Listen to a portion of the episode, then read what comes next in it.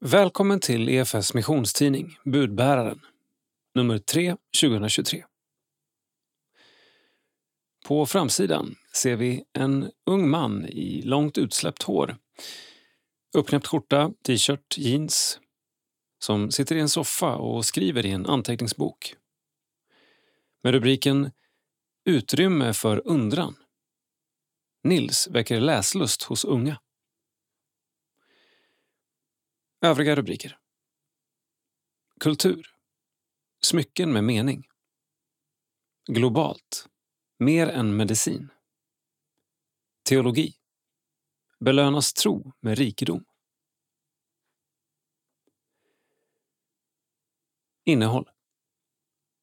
Sida 4. Torka på Afrikas horn. Sida 5. Bidrag uteblir för kyrkor. Sida 7. Krönika av Kerstin Oderhem. Citat. Kampen för livet behövs på plats efter plats. Slutcitat. Sida 8. Nyhet. Rötter och liv i Eritrea. Sida 13. Globalt. Sjuksköterskan Nora Avil. Sida 14. Krönika. Flyg med båda vingarna. Sida 16. Nora och Happy om att möta både medicinska och sociala behov. Sida 22. Debutanten Nils Lundqvist vill väcka läslust hos unga. Sida 30. Kristendom provocerar. Teologisk reflektion av Elias Tranefelt. Sida 32. Teologi. Belönas tro med rikedom. Sida 36. Kyrkohistoria. Identitetssökande 2000-tal. Sida 40. Kultur. Recensioner. Sida 42. Kultur. Bibelord. Sida 45. Caroline Johanssons smycken pekar på Gud. Sida 50. Info. Nytt och aktuellt inom EFS och SALT. Sida 54. Ur arkivet. Mediets trumma. Sida 55. Insändare. Världsvid väckelse. Sida 56. Barn i alla länder. Barn har rätt till sjukvård. Sida 58. EFS region Norrbotten. Sida 60. EFS region Mittsverige. Sida 64. SALT. Gör som barnen. Håll inte ihop. Krönika av Helena Alin. Sida 3. Ledare. Trons ögon. Är du less på att ge? De senaste åren har kriserna avlöst varandra. Så mycket elände, både långt borta och här hemma. Varför ska vi fortsätta att ge när det verkar göra så liten skillnad? Vi är ju också själva drabbade av höjda elpriser, ökad inflation och en osäker framtid. Så här kan man beskriva verkligheten, men det behöver inte vara den enda versionen. Vi bekänner oss till en Gud som in i döden gav sig själv för oss människor och vi tror på uppståndelsens verklighet. Som kristna har vi ett hopp som inte är grundat i ekonomisk utveckling eller fungerande samhällssystem, utan i något mycket mer stabilt. Guds rike är grundat på Jesus Kristus i evighet. Med trons ögon ser vi möjligheter där andra bara ser omöjligheter. Det är aldrig för sent och aldrig hopplöst, inte ens i dödens omedelbara närhet. Istället anar vi Guds mäktiga händer också i maktlösheten och förtvivlan. Gud använder våra gåvor, stora som små, för att komma med hopp, ljus och liv. Profeten Jesaja utmanar oss igen. Om du räcker ditt bröd åt den hungrige och mättar den som lider nöd, då ska ljus bryta fram för dig i mörkret. Din natt blir strålande dag. Jesaja 58 och 10. Långfredagens mörker byts i påskdagens strålglans. Att Jesus har uppstått är inte bara en teori, utan en faktisk verklighet. Det är på riktigt. Jesus lever. Därför vet vi att det finns goda skäl att tro på en gryning också i det som verkar nattsvart. Inom EFS mission finns så många berättelser om hopp, så många exempel på hur döden inte är slutet, utan början på något nytt. I detta nummer av Budbäraren kan du läsa om hur glädjens evangelium sprids bland döva i Eritrea, hur barn och familjer får mer än bara sjukvård på Ilula sjukhus i Tanzania och mycket annat. Och därför tror jag att du vill fortsätta att vara med och ge, så att gryningsljuset får bryta fram för fler. Erik Johansson, internationell missionssekreterare EFS. Sida 4. Kortnytt. Vi ser först en bild på en bit torr öken. Och bildtexten Afrikas horn har drabbats av den värsta torkan på 40 år. EFS stöttar flera insatser i området. Bland annat hälsovård via hjälporganisationen Varsan i Somalia. Ingen vill köpa magra kor. Torka för andra året i rad i Tanzania. Torkan har under några år slagit hårt mot hela Afrikas horn. I delar av Tanzania har regnet uteblivit under två års tid. Främst i Dodoma och Singida län. Ulf Ekengen, som tidigare varit EFS-missionär och fortfarande bor i Tanzania under delar av året, berättar om svåra konsekvenser, främst för massajerna på landsbygden. I fjol fick vi så lite regn att det inte blev någon skörd. Vilket givetvis resulterar i att utsädet till detta år uteblir. Vid uteblivet regn kan djuren heller inte få något bete och massajerna tvingas sälja djuren i utbyte mot majs. Magra och utmärglade kor är det ingen som vill köpa, berättar Ulf Ekinge. En annan följd av torkan är att barnen inte går i skolan utan måste färdas långväga för att valla boskap till nya betesmarker. Man ser även att missfall hos gravida ökar i samband med torkan på grund av svält. Det finns ingen mat att få. Punktinsatser görs dock för att möta behoven.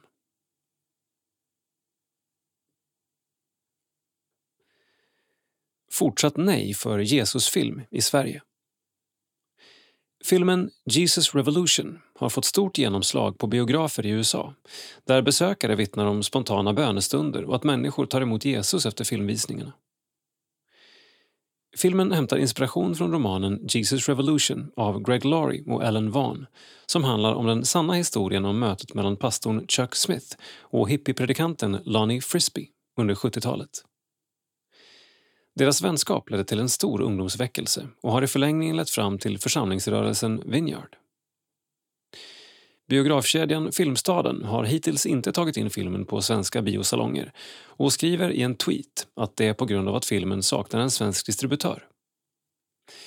Filmen har i skrivande stund en hög rankning, 7,8 av 10, på den populära filmrankningssajten IMDB.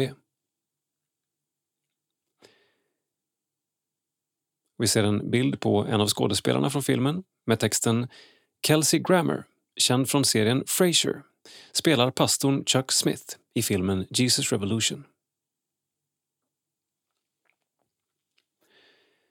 Upprörda känslor efter uteblivet stöd.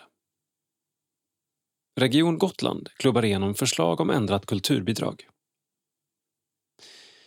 Efter en långdragen debatt röstade 54 av regionfullmäktiges 71 ledamöter i slutet av mars för regionstyrelsens förslag om att kulturstöd stryps för verksamheter som har religiösa eller partipolitiska inslag. Orsaken att man ändrar möjligheten till bidrag anges vara för att uppdatera och modernisera gamla regelverk som inte hängt med i utvecklingen. Man hade fått in ett 20-tal remissvar från kyrkliga aktörer på Gotland som ifrågasatte beslutet men förslaget röstades ändå igenom av regionfullmäktige. Erik Eckerdal, biskop för Visby stift, är bekymrad över beslutet. Det är ett problematiskt beslut av många olika orsaker. Delvis strider det mot en överenskommelse som ingicks mellan stat och civilsamhällets organisationer 2008 där man betonar olika aktörers unika bidrag till samhället. Kyrkans omfattande bidrag till samhället kan inte skiljas från att vi är just en religiös gemenskap. Genom regionens beslut underkänns kyrkornas specifika bidrag till samhället och särbehandlar oss negativt jämfört med andra organisationer som genomför kulturella aktiviteter, menar biskop Erik. Många som har reagerat mot beslutet är kyrkor som driver barn och ungdomsverksamheter, såsom scouting eller läger. Biskop Erik Eckerdal nämner att Sverige nyligen ratificerat barnkonventionen som betonar barnets rätt till andlig utveckling. Och han tycker det är anmärkningsvärt att beslutet hänvisar till barnkonventionen utan att nämna något om barnets rätt till religion eller andlig utveckling. Antalet svenskar som beskriver livet som meningslöst har fyrdubblats sedan 2003. Speciellt bland unga män. Enligt siffror från analysföretaget Kairos Future. Kyrkorna har ett unikt bidrag att förmedla mening, bygga existentiell hälsa och andlig hållbarhet. När kyrkorna odlar gemenskapen med Jesus Kristus bidrar vi till att sprida frid och försoning och goda handlingar för våra medmänniskor. Varför vill Region Gotland ta avstånd från det när man samtidigt ropar efter vår hjälp på andra håll? I beslutet står det att de verksamheter som stöds ska vila på demokratisk grund och bedrivas i enlighet med FNs konventioner om mänskliga rättigheter och barnkonventionen. Även där vill biskop Erik belysa paradoxen i beslutet. Att peka ut och negativt särbehandla aktiviteter med religiösa inslag kan ge sken av att regionen tror att religiös verksamhet per definition är antidemokratisk och skadlig för de som deltar. Kyrkan och frikyrkorna har varit otroligt viktiga för demokratiutvecklingen i vårt land. Sida 7. Krönika. Kerstin Oderhem skriver om vårt uppdrag att föda fram liv. Gör som våra mödrar. Jag fyller år i april. Förut tänkte jag inte att det var något särskilt med födelsedagar egentligen. Förutom när jag var liten och det var kul med kalas och presenter förstås. Men när jag själv fick barn blev det en ny stark dimension. Att på min födelsedag utstod min mamma smärta och kamp för att mitt liv skulle födas fram. Under februari hade jag förmånen att besöka Indien och kyrkan i Madhya Pradesh som fyllde 100 år. Jag besökte också några av EFS missionärers gravar och stannade i tanken vid detta, att de varit med och liksom fött fram denna kyrka. Vid närmare reflektion är det mycket som liksom föds fram. En tanke, en vision som tar sin början och som sedan bärs hela vägen fram till verklighet. Varje kyrka eller bönhus där vi firar gudstjänst började någonstans som en tanke som sedan blev konkret. Vi borde fira, fira alla dessa mödrar som liksom gett liv. Låta den tanken smitta oss till att fortsätta vara sådana som låter nya saker formas. Det kan också komma tider när det som en gång föddes inte längre finns kvar. Jag har många böcker i mitt bibliotek om EFS historia som berättar om människor som levt, drömt och arbetat, verksamheter som kommit och gått olika tider med olika berättelser. Jag vet inte om jag är udda, men jag har gjort många av dessa berättelser till mina därför att de är en del av EFS historia och därmed både min och din. Människor som vi, som gått före, som kämpat för att liv skulle bli till i städer och på ödeplatser. Och många gånger blev det också så. Vi är en del av dem och har en skyldighet att hedra vår historia hedra kampen för livet och för vad de trodde på och bad och arbetade för. När vi ser oss omkring idag behöver vi vakna och fortsätta den kampen. Jag hörde häromdagen att det finns droger på den ort där jag bor och vårt lilla samhälle ska nu ha vuxna som går runt på byn på helgerna. Kampen för livet behövs på plats efter plats. Våra ungdomar fastnar i hopplöshet, missbruk och psykisk ohälsa. Våra äldre lider av ensamhet. Som kristna vet vi att Jesus är den som djupast helar och upprättar. Hur blir vi som våra mödrar, de som kämpade för livet? I Nya testamentet läser vi om när Jesus ska lämna jorden. Han säger till sina lärjungar Jag lämnar er inte ensamma. Hjälparen, den helige Ande, ska undervisa er om allt. Vi är inte utlämnade åt oss själva. Den helige Ande är närvarande bland Guds folk. Det är dags för oss att be. Kom, helige Ande. Kom, forma mig och gör mig till en kämpe, en kämpe för livet. Och så får vi inte glömma firandet. Tillfällena att säga tack till Gud. Tack för livets gåva. Tack för församlingen. Tack för att ditt rike växer till. Kerstin Oderhem, missionsföreståndare EFS. Sida 8. Nyhet.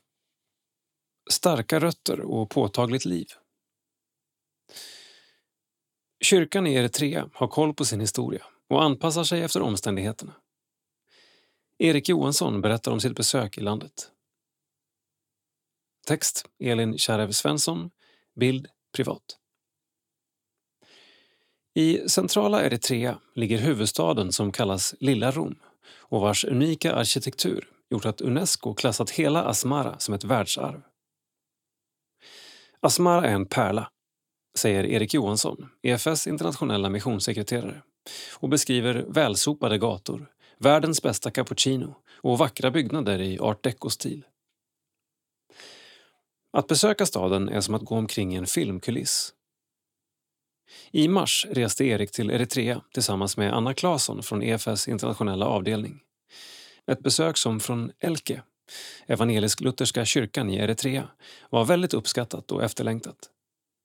Viljan till tät kontakt med EFS är stor och från den eritreanska kyrkans håll är man angelägen om historien och traditionen, berättar Erik. Man undrar också hur kontakten ska se ut framöver, när den unga generationen ska ta över. EFS historia i Eritrea är nämligen gedigen. EFS internationella missionsarbete och hela Sveriges internationella biståndsverksamhet fick sin början när de tre pionjärerna Karlsson, Kjellberg och Lange ankom till den eritreanska hamnstaden Massawa i mars 1866. Ingen annanstans finns så många EFS-missionärer begravda. Ett tydligt tecken på att många levde och dog för missionen i landet. Ett arv som många i Eritrea är medvetna om. Asmara är en av de platser i världen där EFS-rötterna märks som tydligast.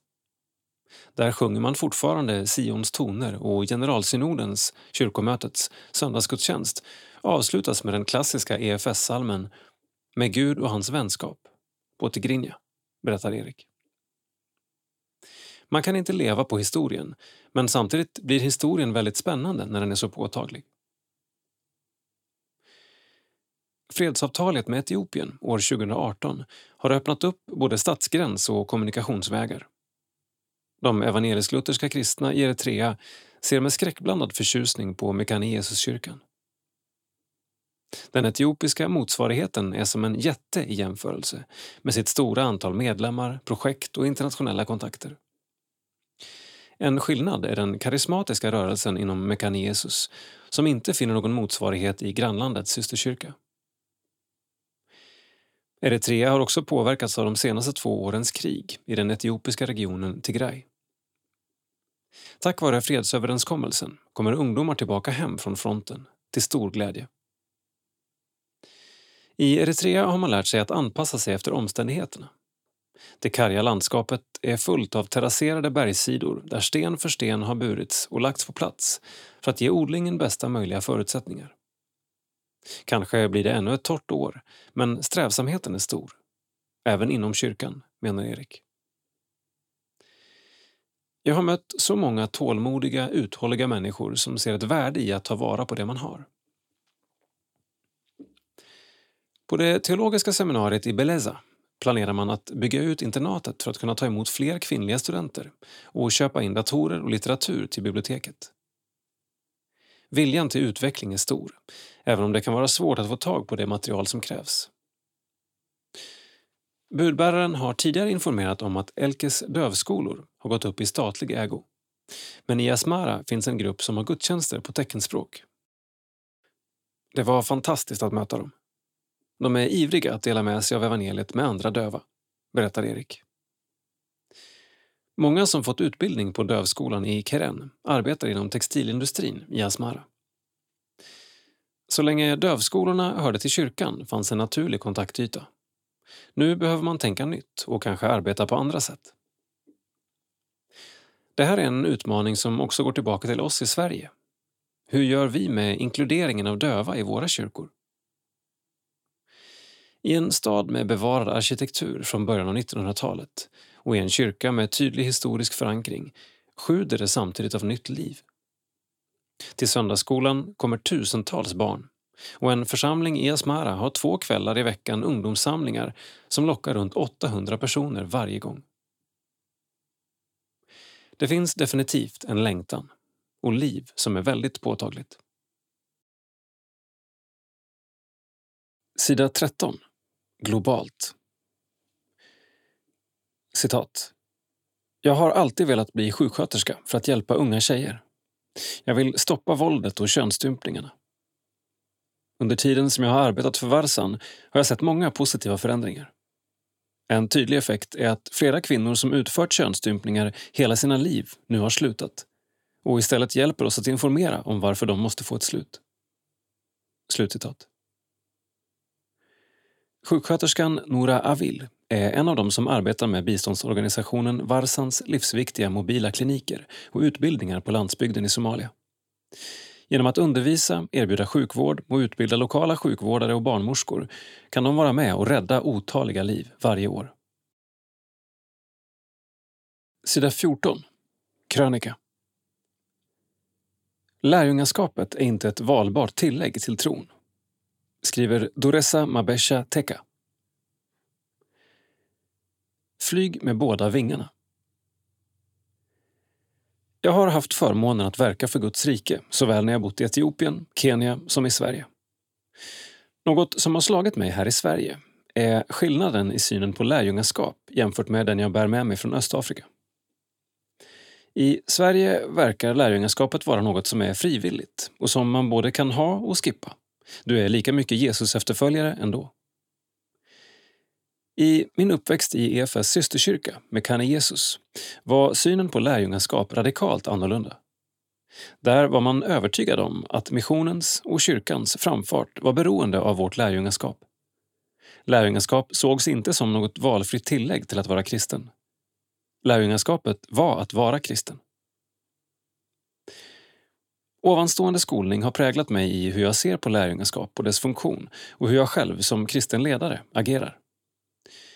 När jag jobbade med kristna studenter på universitetet i Addis Abeba var mitt fokus att träna dessa ungdomar i lärjungaskap och det gjorde jag i små grupper av 5 sex personer genom tre enkla byggstenar. 1. Grunden för lärjungaskap är att ha en god relation och att vara vänner. Vi ser detta i Jesu liv, där han inte undervisar sina lärjungar på avstånd utan umgås och delar hela sitt liv med dem. 2. Jesus lät lärjungarna lära känna honom och Guds rikes hemligheter samt nödvändigheten av bönen. Andra byggstenen är därför att studera Guds ord för att lära känna Jesus men också för att lära oss hur han kallar oss att leva som hans efterföljare. På samma sätt behöver vi i vårt lärjungaskap lära oss att både be till och lyssna till Gud Fader. 3. I missionsbefallningen uppmanade Jesus oss att lära människor att hålla alla de bud som han hade gett oss. Den tredje byggstenen blir därför att tillämpa det som vi har hört från Gud. Det innebär inte enbart aspekter som rör vår egen helgelse utan är i högre utsträckning fokuserat på vår missionella kallelse. Jag är övertygad om att målet med lärjungaskap är mission.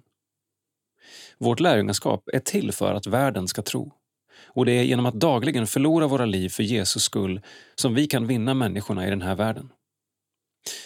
Man skulle kunna se det som en fågel där den ena vingen är mission och den andra lärjungaskap. Om fågeln enbart använder den ena vingen kommer den bara att ligga och sprattla på marken. Först när den använder båda vingarna kan den flyga. Min mamma är en stor förebild för mig i detta avseende. Efter varje gudstjänst där hon hade fått lära sig mer om Jesus, tillbett honom och inspirerats för mission, gick hon till det lokala sjukhuset.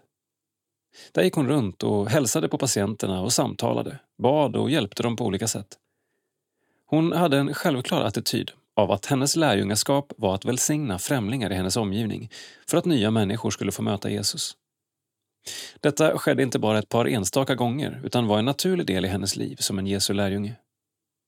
Jag tror det sätter fingret på det centrala i lärjungaskapet. Överlåtelse. Har vi ingen överlåtelse får vi inget lärjungaskap. Om vi tolkar Jesu ord ”gå ut och gör alla folk till lärjungar” som att ni kan gå och göra alla folk till lärjungar, så är vi inte trogna Jesu ord och uppdrag och kommer heller aldrig se någon förändring i våra församlingar eller i vårt land. Nyckeln till förändring är att vi dör bort från oss själva, är lydiga Jesu undervisning samt är villiga att gå utanför vår komfortzon. Det är först då som vi lever i det lärjungaskap som Jesus har förberett och kallat oss till. Doresa Mabesha Teka, präst i EFS Söderköping. Rättelse. I förra numret av Budbäraren försvann slutet av krönikan som Mikael Artursson skrivit. Du hittar krönikan i sin helhet på budbäraren.nu. Sida 16. Globalt. Det räcker inte att sätta nålar och ge lite antibiotika. Nora Sandahl och Happy Mgaya är sjuksköterskor men verkligheten i Ilula kräver mer än bara klinisk kompetens. Den utsatthet och de barn vi möter kan inte botas bara med medicin, säger Nora. Text och bild Magdalena Vogt. Året var 2019 och Nora Sandahl hade precis börjat jobba på Ilula sjukhus. Hon var utsänd av EFS som sjuksköterska men redan från början kände Nora att det skavde.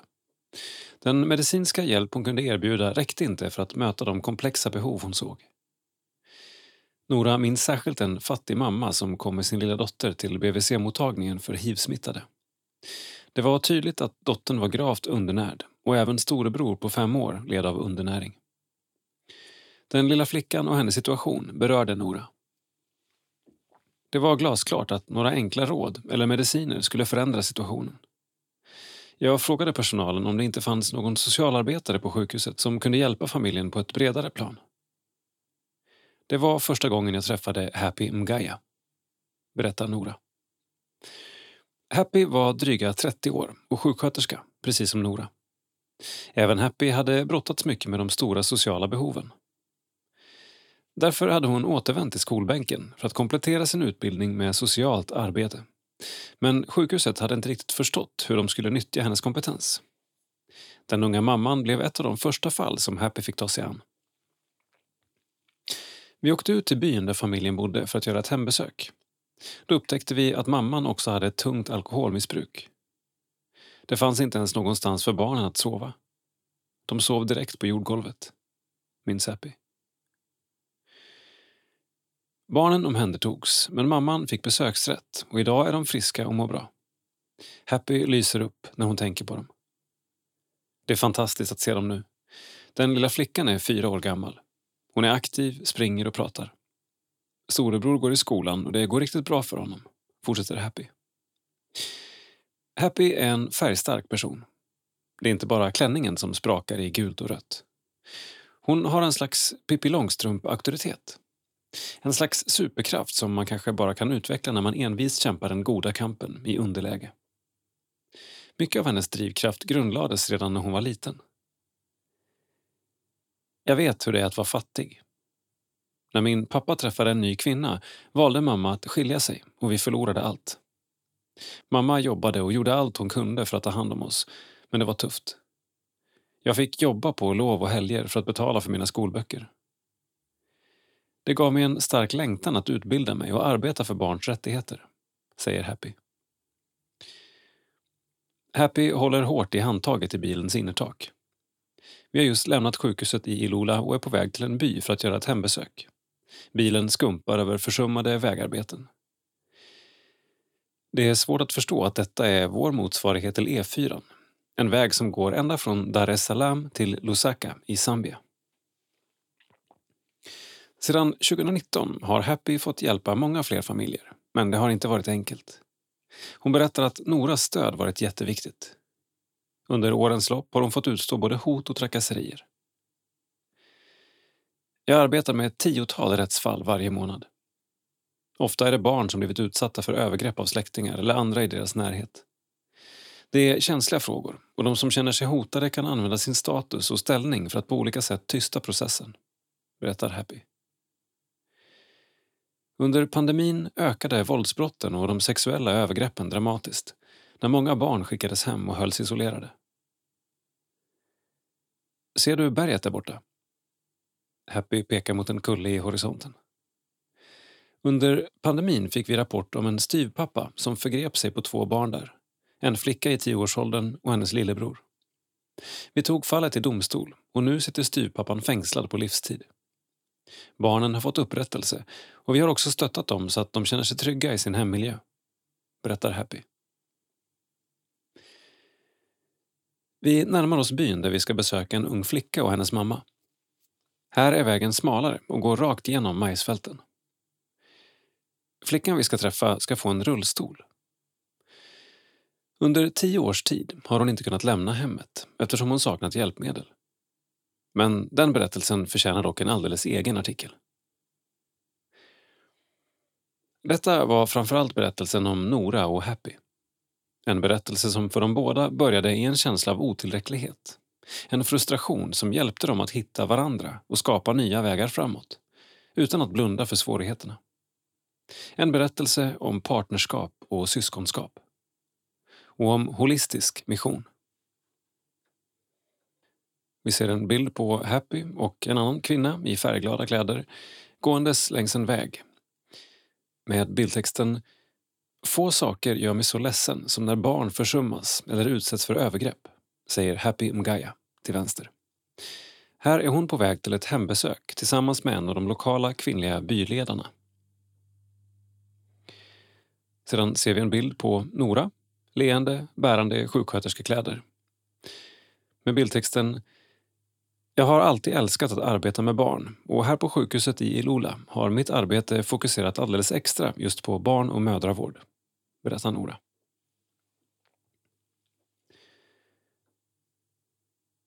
Sist ser vi en bild på Nora och Happy som håller varandra om axlarna med texten Nora Sandahl och Happy Mgaya har hittat stöd i varandra.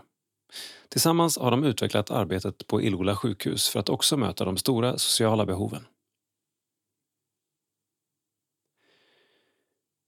Vill du läsa mer om EFS mission och flickan i rullstolen?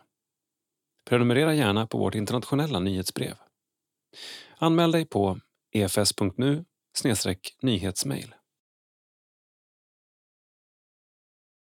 Sida 22. Porträtt. Aldrig färdig.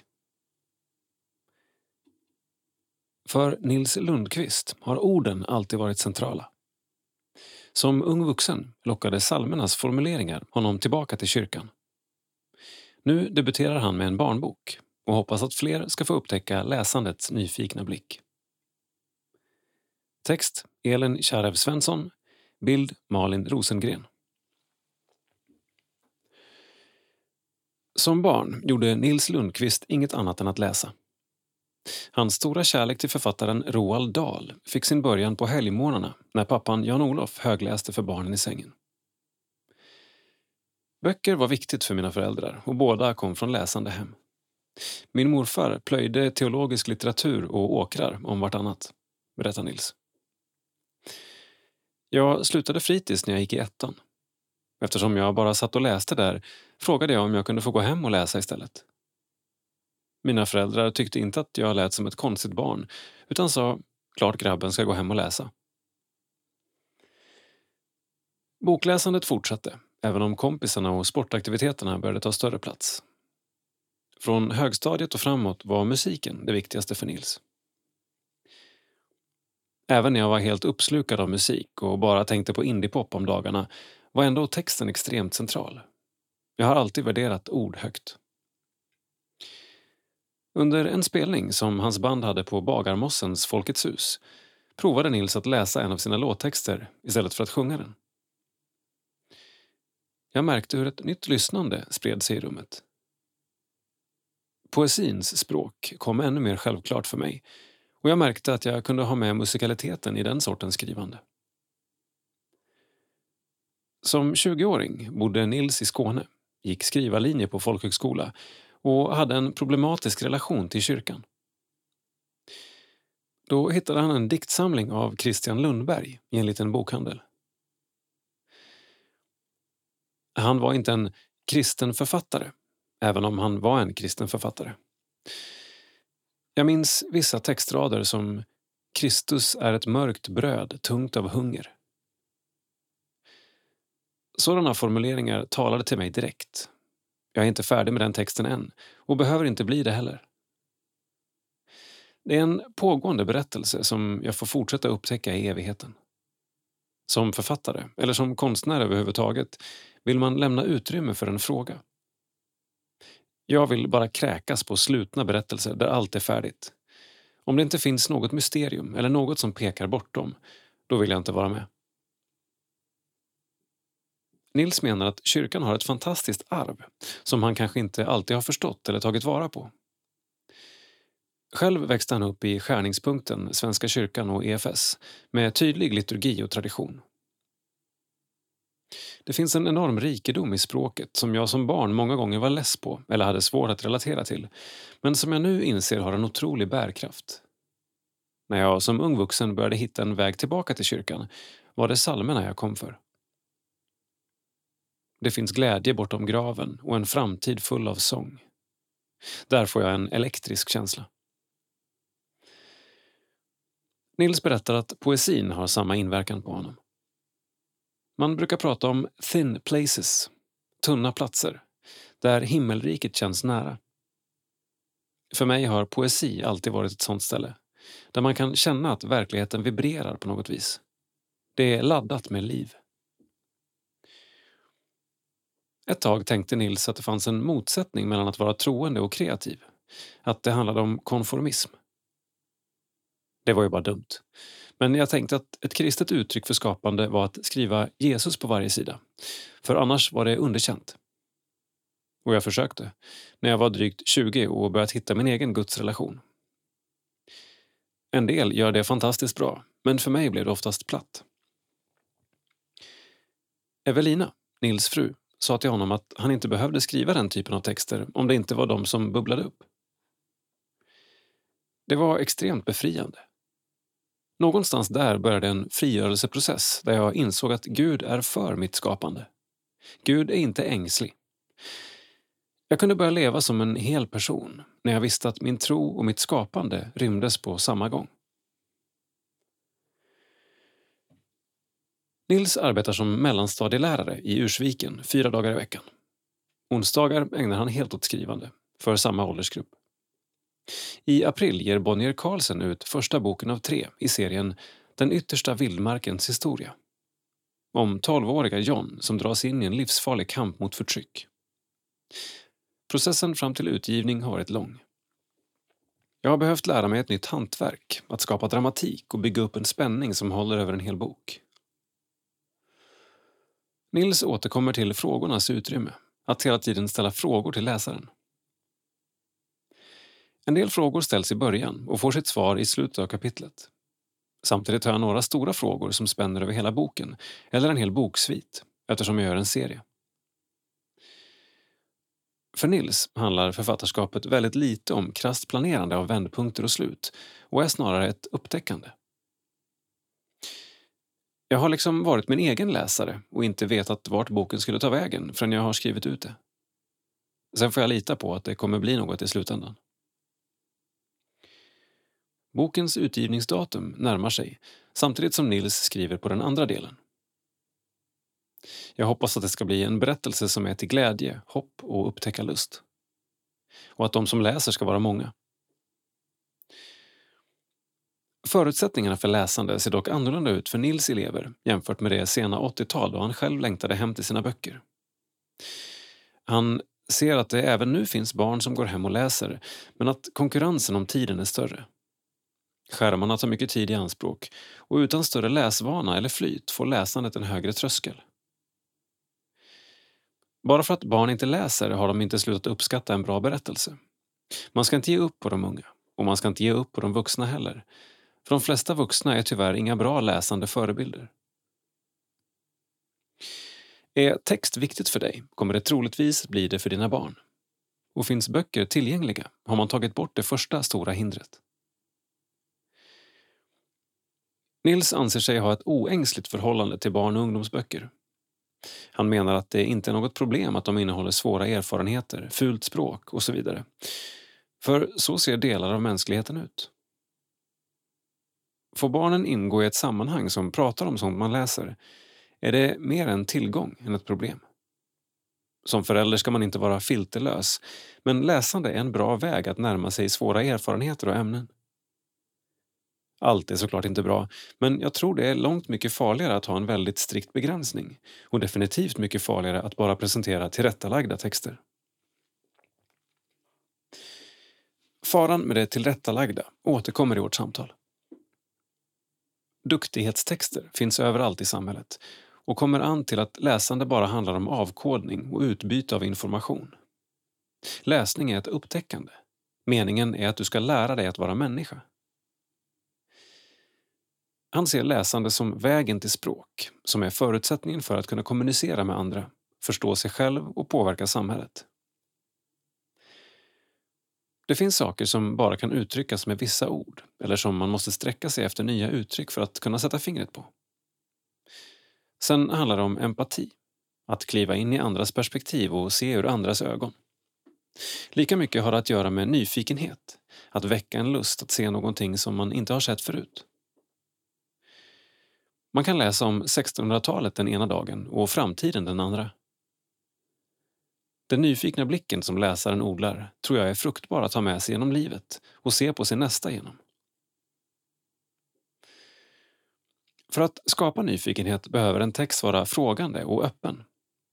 Hur är det då med Bibeln?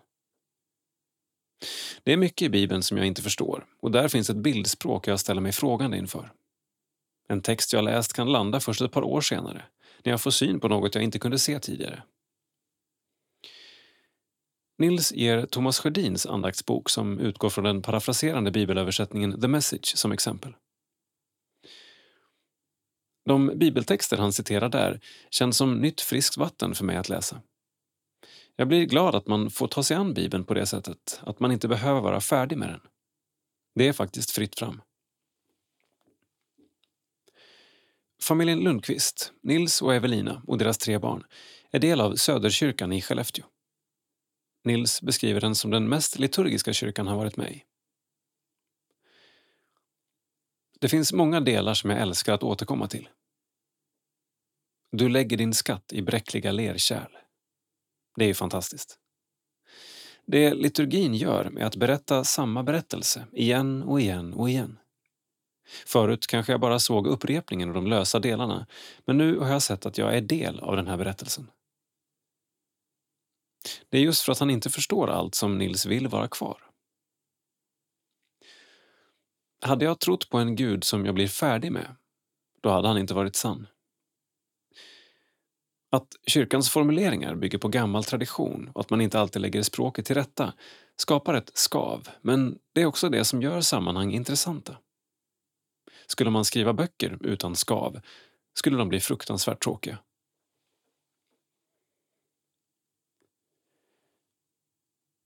Nils Lundqvist. Ålder 40 år.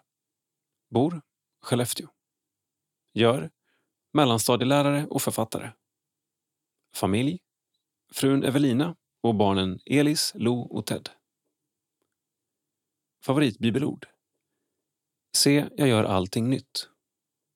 Uppenbarelseboken 21 och 5.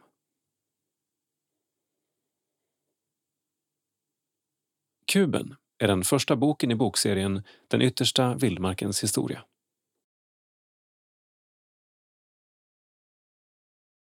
Sida 30. Teologisk reflektion. Kan kristna förvänta sig att bli omtyckta? Elias Tranefelt skriver om hur kristendomen provocerat genom tiderna och om vikten av att stå fast vid tron. Text Elias Tranefelt, illustration Benjamin Kruse. Att lärjungarna var omtyckta av hela folket, Apostlagärningarna 2, för allt gott de gjorde, är bara halva sanningen. Den andra halvan är hur illa sedda de blev för vad de bekände och försakade. Det är sällan någon blir avskydd för det den gör som uppfattas som bra. Avskydd blir man för sånt som uppfattas som dåligt. Och så även Jesus. Det är inte för någon god gärning vi stenar dig, utan för att du hädar och gör dig själv till Gud, fast du är människa, får han höra under en hatstorm. Johannes 10.33 Celsus, en grekisk filosof som närde avskyn för de kristna på 100-talet, beskriver kristendomen som barbarisk och dess skrifter som undermåliga. Kristnas livsföring, byggd på citat, absurda doktriner, slutcitat, förpestar samhällsbygget. Allt som möjligen kan anses godtagbart i kristen lära har citat, redan blivit uttryckt både tidigare och bättre av greker som dessutom är ödmjuka nog att inte hävda att deras läror stammar från någon gud. Slutcitat. Med sin primitiva etik blir kyrkan för Celsus en fristad för allsköns fördummat patrask. Citat. De drar till sig alla syndare, korkade, barnsliga och eländiga, oärliga, tjuvar, giftblandare, hädare och brottslingar. Jag menar, vilken annan religion får för sig att till sin gemenskap inbjuda tjuvar? Slutcitat. Fattigdomsidealet, synen på världslig vishet och att de kristna förkastar andra religioner och ritualer än sina egna framstår som särskilt provocerande. Han ser detta som arrogans mot den gud som vördas under olika namn över hela världen. Celsus, On the True Doctrine Celsus greppar inte kraften i att ingen av de förhatliga grupper han ser att kyrkan attraherar kallas att förbli i det skick de var när de kom. Tjuven utmanas att bli en glad givare och den oärlige att upplysas av sanningen. Det som är dåraktigt för världen utvalde Gud för att låta dem visa stå där med skam, skriver Paulus och får Celsus att gapskratta. Men den reaktionen späder bara på den kristna övertygelsen att världens kloka inte är att lita på, utan att det är den hellenistiska livsföringen som är undermålig. För de fäder som tar den verbala striden med belackarna är detta extra tydligt i infanticiden, rätten att sätta ut oönskade barn, det utomäktenskapliga sexet och i skådespelen, kulturella uttryck där Guds avbild påtagligt vanhelgas. I bjärt kontrast till detta erbjuder fäderna istället det enkla och på många sätt undanskymda kristna livet som varsamt och ömt håller kroppen i helgd och ser människans hemvist som bortom den enbart jordiska. Citat. Ty de kristna skiljer sig varken till land eller språk eller seder från andra människor. De bor varken i egna städer eller talar något särskilt språk eller för något egendomligt liv. Men samtidigt visar de en förunderlig och erkänt ovanlig hållning i sin vandel. De gifter sig som alla andra och föder barn, men de sätter inte ut sin avkomma. Deras bord är öppet för alla, men inte deras bädd. De finns till i köttet, men lever inte efter köttet.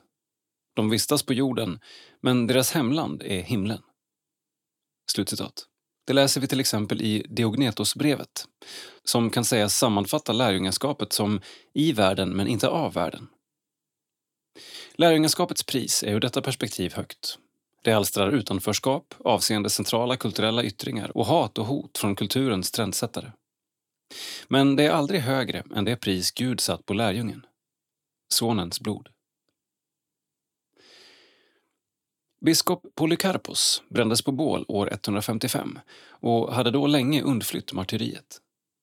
Dock inte genom att delta i det lilla, men självklara uttrycket för imperiets värdegrund, att bekänna kejsarens genius så markerades tillhörigheten till den romerska freden och invånarnas rättigheter att i övrigt tro som de ville. Istället undvek Polycarpos konfrontation med dem som skanderade “bort med de gudlösa” slagordet mot dem som inte fogade sig efter de romerska värdena.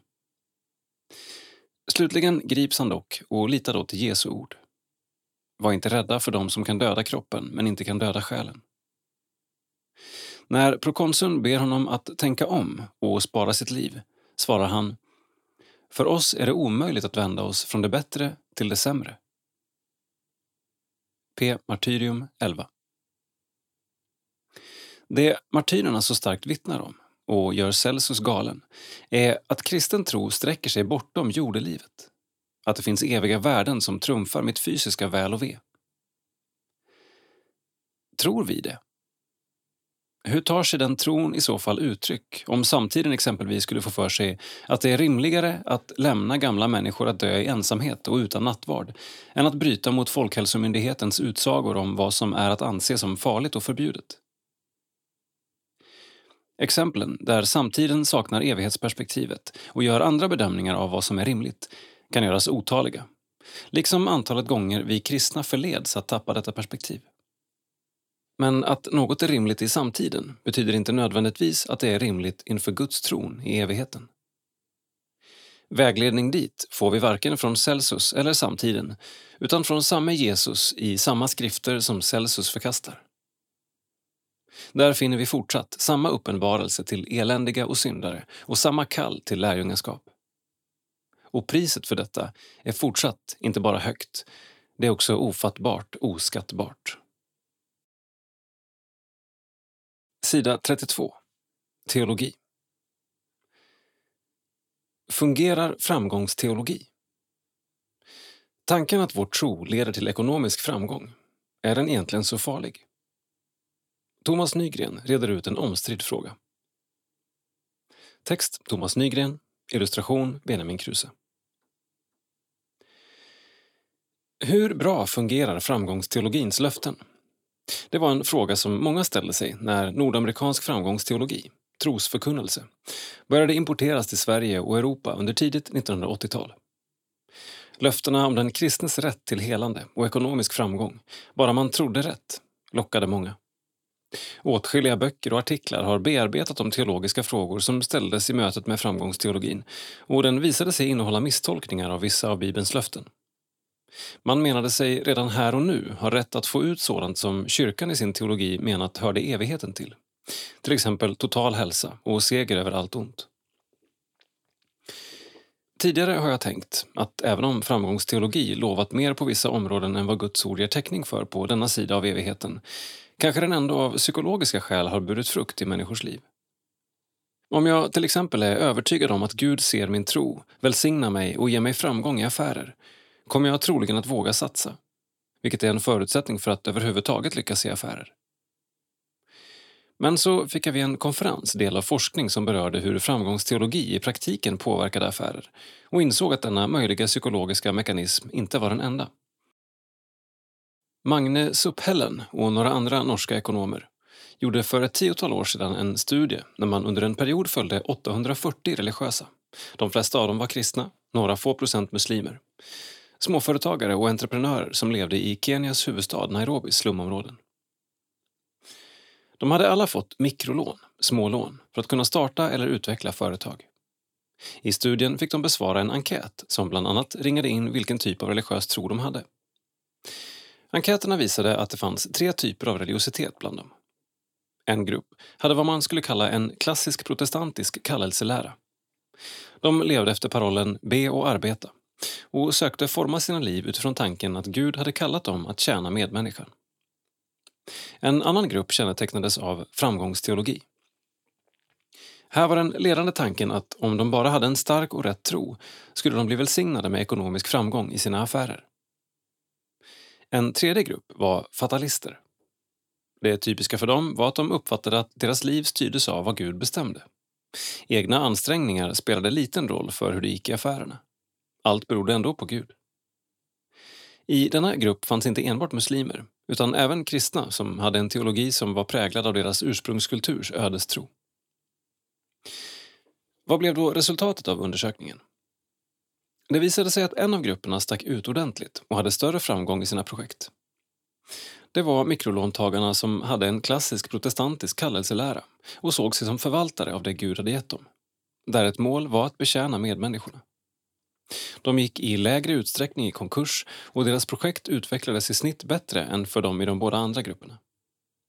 De ekonomiska resultaten för dem med framgångsteologisk tro och för dem med tro präglad av fatalism var ungefär likvärdiga, men alltså betydligt sämre.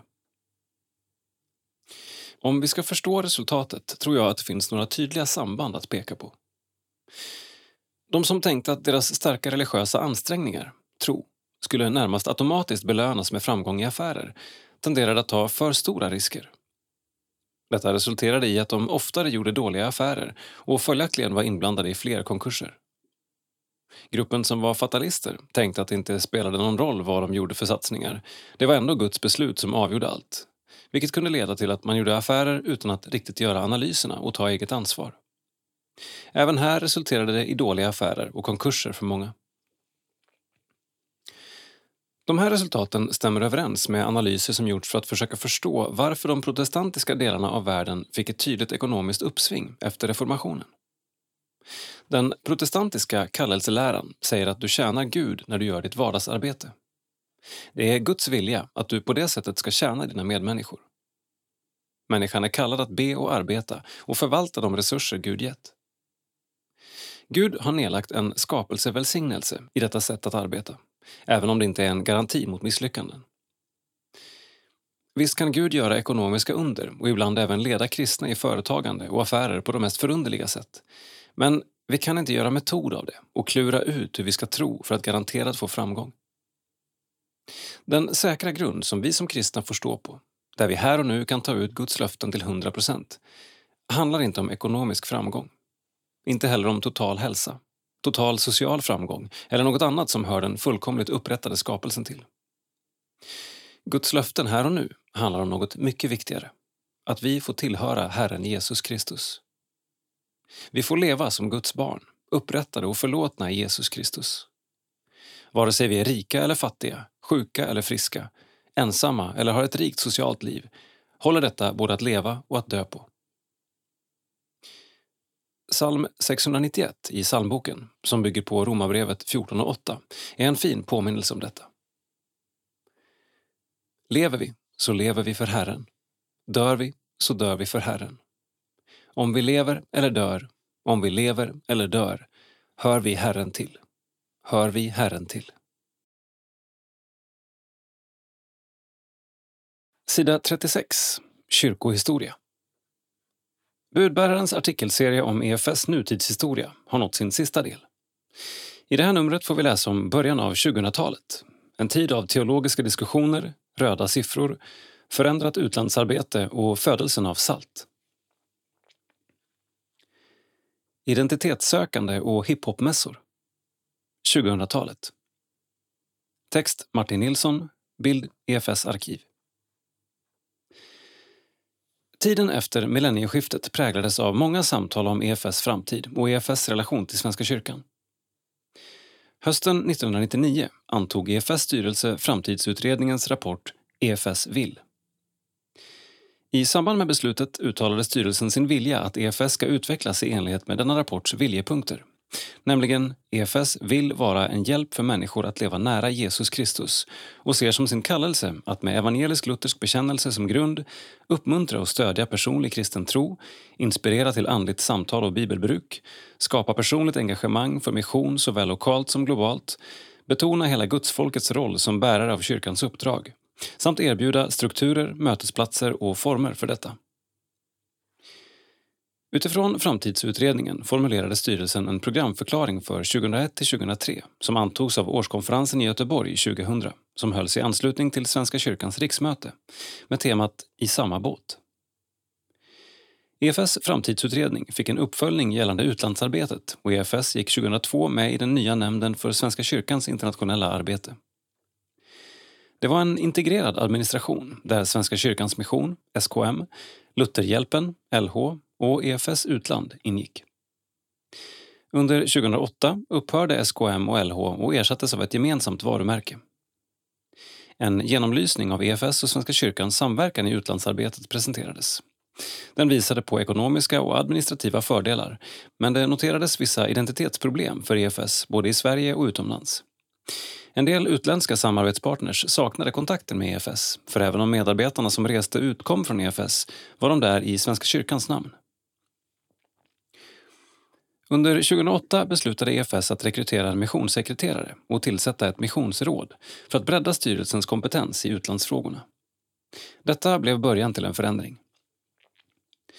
2010 återtog EFS de projekt och den utsända personal som man finansierat och återgick till att sköta sitt internationella arbete själva igen. Årskonferensen i Piteå 2002 där Luleå stift samtidigt hade stiftsfest, samlade under fem konferensdagar 15 500 personer. Hiphopmässan fick sitt uruppförande som blev början till ett formidabelt segertåg över landet. En CD släpptes med Börje Gustafssons musik och vi lärde oss att det går att kombinera trumloopar, streetdansare och rappare med att fira mässa. Samtidigt kärvade ekonomin i EFS. Ett unikt dåligt ekonomiskt resultat presenterades för årskonferensen 2003 i Västerås. Det var budgeterat med ett underskott på 4,5 miljoner kronor men det blev 25,4 miljoner minus.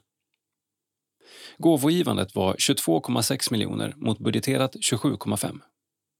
EFS kapitalförvaltning blev 4,5 miljoner lägre och därtill nedskrivning av aktier och räntebärande papper på 4,5 miljoner och en ökad pensionsskuld med 5,3 miljoner kronor.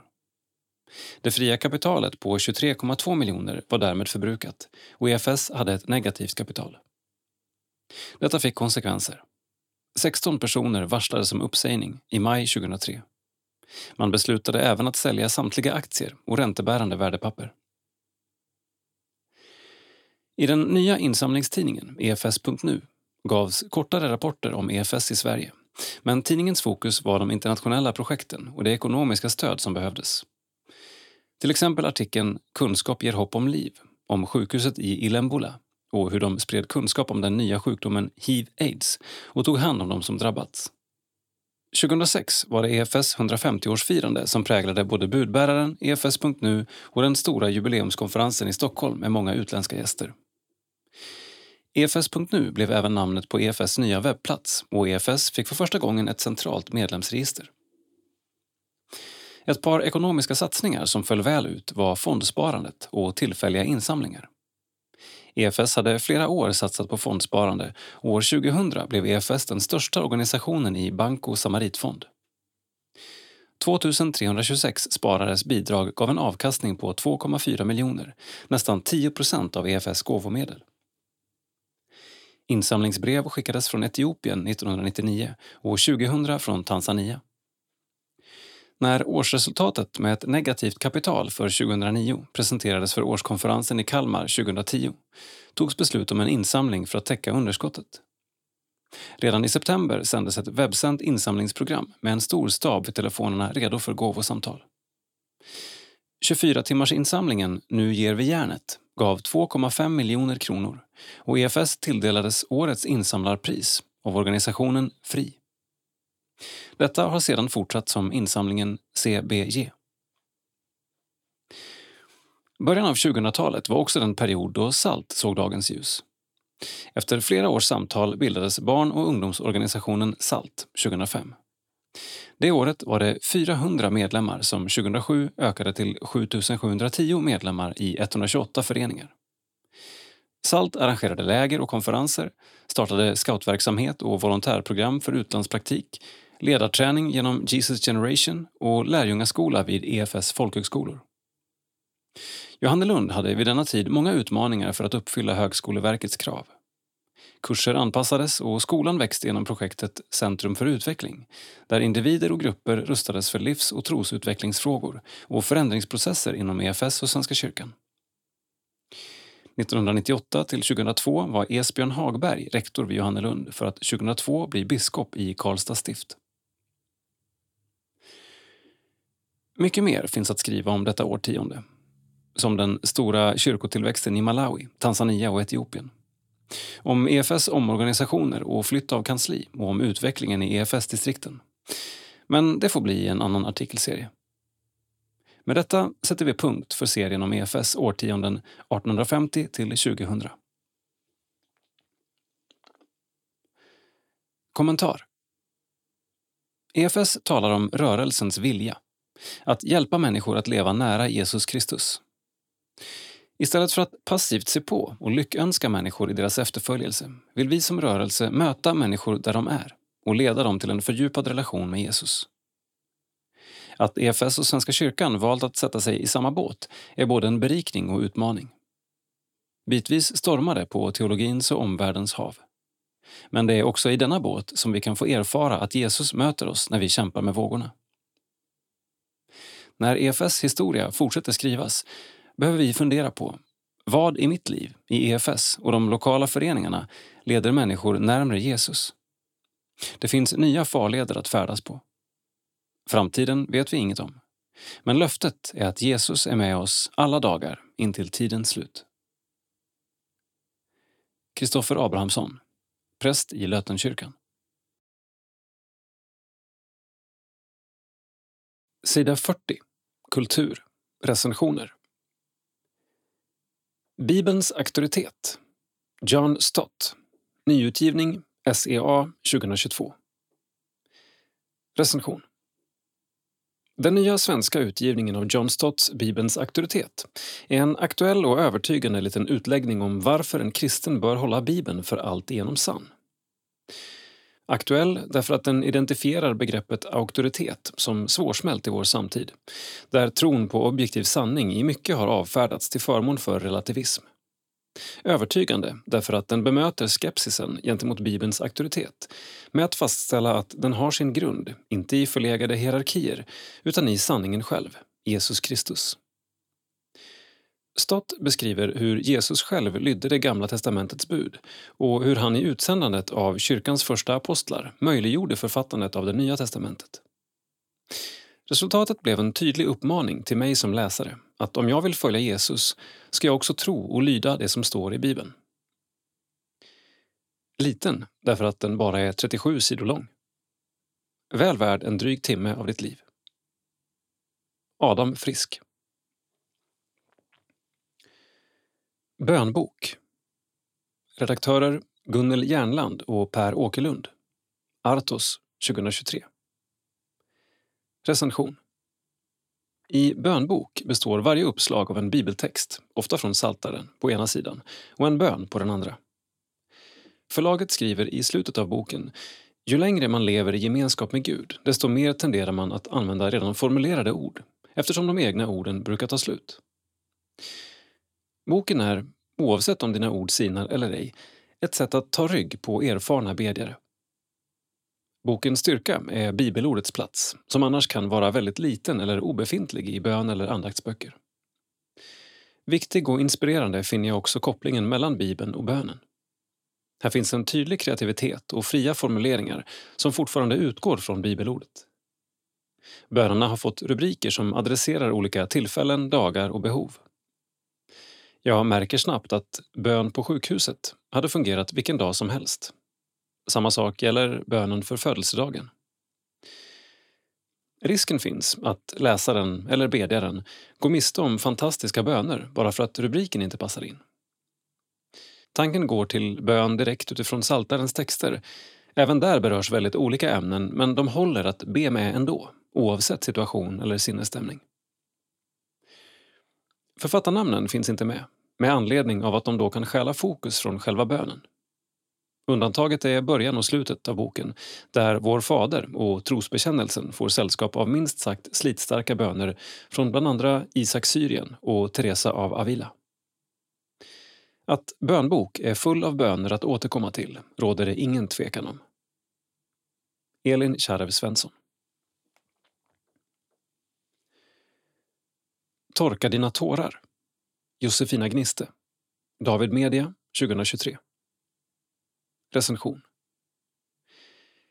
I Josefina Gnistes senaste singelsläpp Torka dina tårar får vi stanna upp med Maria vid graven. Texten och melodin andas uppståndelsens nyvunna glädje. Hon får möta honom igen. Den hon har sörjt så djupt är inte död, han lever. Maria möts av nyckelorden som kan låsa upp varje till synes hopplös situation. Varför gråter du min vän? Jesus Kristus är uppstånden. Gniste är en av svensk kristenhets mest lyssnade låtskrivare.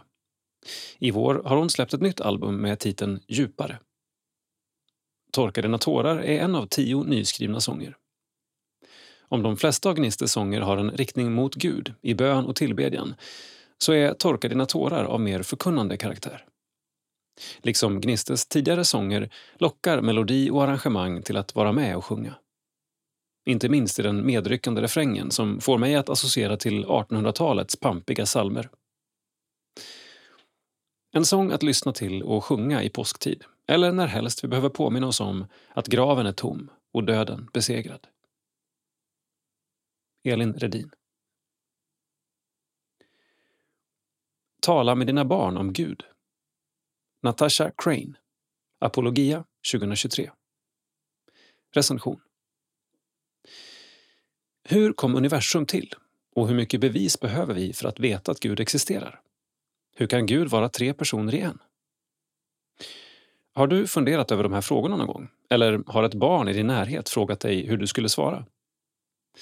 Det är inte alltid lätt att veta hur man ska svara på barns ärliga och konkreta frågor om kristen tro. Som förälder är det lätt att känna sig handfallen. Natasha Cranes bok Tala med dina barn om Gud är en praktisk och pedagogisk vägledning för föräldrar. Boken är indelad i fem huvudrubriker. Guds existens, Vetenskapen och Gud, Guds natur, Att tro på Gud och Tron på Gud gör skillnad. Kapitlen avslutas med en praktisk och pedagogisk handledning. Innehållet i boken kan anpassas för samtal med barn i alla åldrar. Det är pedagogiskt och uppmuntrande. Och missa inte förordet av Sofia Ödman. Helena Kashin. Sida 42. Kultur, bibelord. Johannes 13, 34-35. Ett nytt bud ger jag er, att ni ska älska varandra. Så som jag har älskat er ska också ni älska varandra. Alla ska förstå att ni är mina lärjungar om ni visar varandra kärlek. När Jesus uppmanar oss att älska varandra så som han har älskat oss, bävar jag. Hur vore det ens möjligt? Han bevisade ytterst sin kärlek genom att dö på korset för hela mänskligheten. Romarbrevet 5.8. Är det detta som förväntas också av mig? Jesus sa, tjänaren är inte för mer än sin herre. Har de förföljt mig kommer de också att förfölja er. Johannes 15 och 20. Och om ni älskar dem som älskar er, ska ni då ha lön för det? Gör inte tullindrivarna likadant? Var fullkomliga, så som er fader i himlen är fullkomlig. Matteus 5, vers 46 och 48. Så hur skulle jag kunna älska som Kristus, fullkomligt? Ge mitt liv för såväl fiende som vän? Paulus talar sanning då han konstaterar knappast vill någon dö för en rättfärdig. Kanske går någon i döden för en som är god. Romarbrevet 5 och 7. Det finns de som springer in i brinnande hus för att rädda en människas liv och därmed offra sitt eget. Att ge sin död för någon annans skull är kärleksfullt, i vart fall heroiskt. Men dör gör vi i regel bara en gång. Så vad betyder det att ge sitt liv? Jesus dog bara en gång. Men det liv Jesus levde fram till dess var ett liv av daglig överlåtelse. Hade han varit redo för det slutgiltiga offret utan det livet? För ett val hade han. Hans livs största kamp, tycks det mig, var nattimmarna i Getsemane trädgård inför den dag han hängdes på korset. Han var tvungen att bestämma sig om han skulle gå kärlekens väg eller inte. Så tog han ett aktivt beslut och överlämnade sig till soldaterna när de kom. Därefter var han passiv som ett lamm som leds bort till slakt. Jesaja 53 och 7, Apostlagärningarna 8 och 32. Själv vrider jag mig som en mask på en krok då jag känner en maning av Herren att ge upp min egen vilja. Att be någon om förlåtelse, att tala sanning som kostar mig något, att tillbringa tid med andra än de jag gillar. Så smått i jämförelse med Jesus offer. Och ändå, det är i stundens beslut som jag har möjlighet att ge mitt liv för andra. Min tid, min uppmärksamhet. Om det skulle innebära att jag på min sista dag också skulle vara redo att ge min död för någon, det vet bara Gud. Den väg till livet som jag funnit, den som alltid varit öppen, utan krav på offer eller goda gärningar från min sida, tycks fortsätta in på kärlekens väg, där mitt offer återigen är relevant. Som sinnebild för kärlekens väg får vi ha Jesus stund i Getsemane och minnas att den består av daglig överlåtelse i åratal. Går vi den vägen bit för bit finns hopp om att människor i vår omgivning ska se att vi är Jesus lärjungar. Johanna Lundström Sida 44. Kultur, porträtt. Design med högre syfte. Hennes smycken har visats på modeveckorna i New York och Paris och badat i strålkastarljuset under det amerikanska megaeventet Super Bowl. Caroline Johanssons företag Zoe Hoop kan beskrivas med två ord. En framgångssaga. Men sagan har kantats av utmaningar, en och annan tår och framförallt en trofast gud. Text Lovisa Lofundell. Bild Katarina Jonsson. Det var en gråmulen februaridag 2021 och Caroline Johansson var lika gråmulen i tankarna. Hon var trött och tog en promenad längs havet på Donsö där hon, make Niklas och deras två barn bor. Nersjunken på en klippa utbrast hon uppgivet mot himlen. Gud, jag orkar inte mer. Plötsligt slogs hon av hur absurd hela situationen var. Hon hade sagt upp sig från sin fasta tjänst för att arbeta med smycken och sedan hamnat mitt i en pandemi där alla satt hemma i mjukiskläder. Hur hamnade hon här egentligen?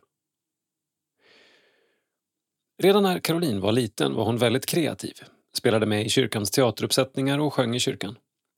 När hennes föräldrar flyttade från Uppsala till Göteborg några år efter att hon hade tagit studenten flyttade hon efter.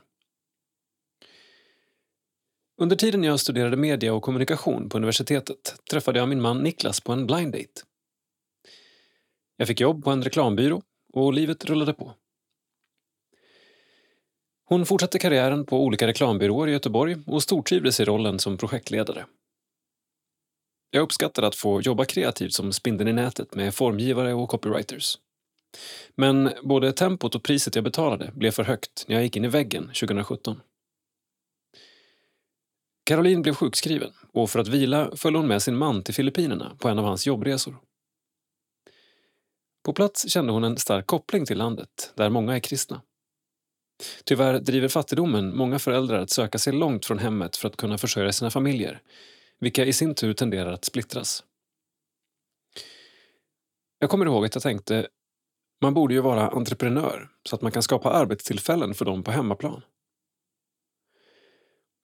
När jag kom hem tog jag tjänstledigt för att börja jobba på en barnrättsorganisation. Jag kände att jag gjorde skillnad för människor, att det var tillfredsställande på ett helt nytt sätt. En tid därefter gick Caroline på gudstjänst som vanligt i Furulundskyrkan i Partille, där familjen är medlemmar. Efteråt frågade hon några kvinnor som stod längst bak i lokalen om de kunde be för henne. De bad, tills en av tjejerna sa Jag får en tanke att du ska jobba med smycken.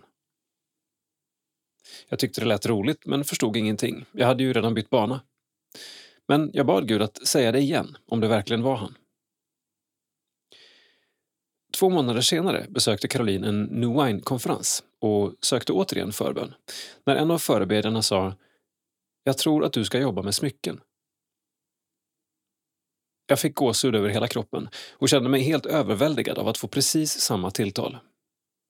Jag gick direkt till min man och berättade det och han sa bara “Ja, men då måste det vara Gud”. Jag upplevde att jag skulle skapa smycken som påminner Guds folk om sin kärlek och allt fantastiskt som står i Bibeln. Caroline började söka efter guldsmedsutbildningar, men fick ingen frid över det. Hon tänkte på resan till Filippinerna och insåg att hennes företag kanske skulle ge människor i utvecklingsländer jobbmöjligheter. Genast kom glädjen tillbaka och hon började skriva på en affärsplan. Caroline upplevde flera bönesvar. Hon fick bland annat kontakt med både en designer och en kemist. Personer som hjälpte henne förstå designprocessen och hur man ser äktheten i guld och silver. Jag stängde in mig på mitt rum och sa åt familjen att inte störa. Nu ska jag designa smycken. Jag bad, lyssnade på lovsång och upplevde att Gud ledde mig. Jag bad mycket över psalm 23. En natt vaknade jag och såg en herdestav i taket och hur en käpp lades tvärs över så att det bildade ett kors. Jag tänkte direkt på Johannes evangelium 10 och 11 där det står att den gode herden ger sitt liv för fåren. Vilket blev smycket The Shepherd's Cross, herdens kors. I mars 2020 var företaget redo att lanseras. Precis samtidigt som samhället stängdes ner på grund av covid. Ett år hann gå innan Caroline kände sig helt uppgiven. Och vi är tillbaka på Klippan den gråa februaridagen 2021.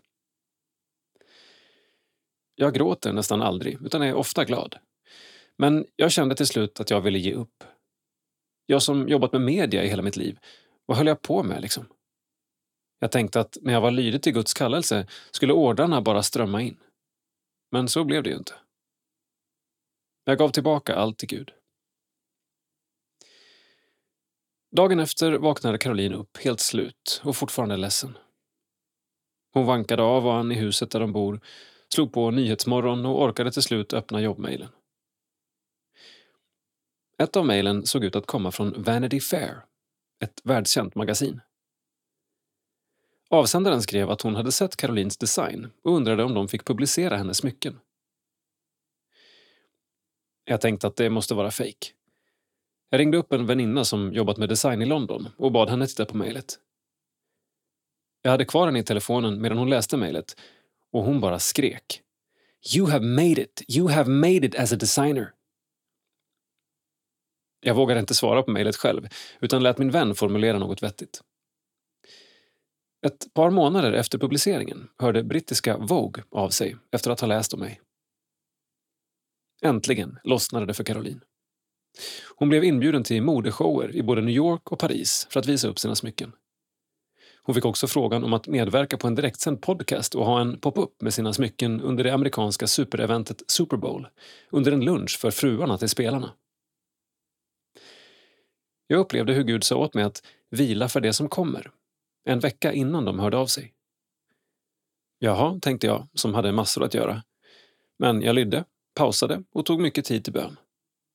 När inbjudan kom var det bara en och en halv vecka kvar till eventet. Caroline drömmer om att få fortsätta tjäna Gud genom sitt företag och att utöka produktionen till fler länder för att kunna hjälpa fler.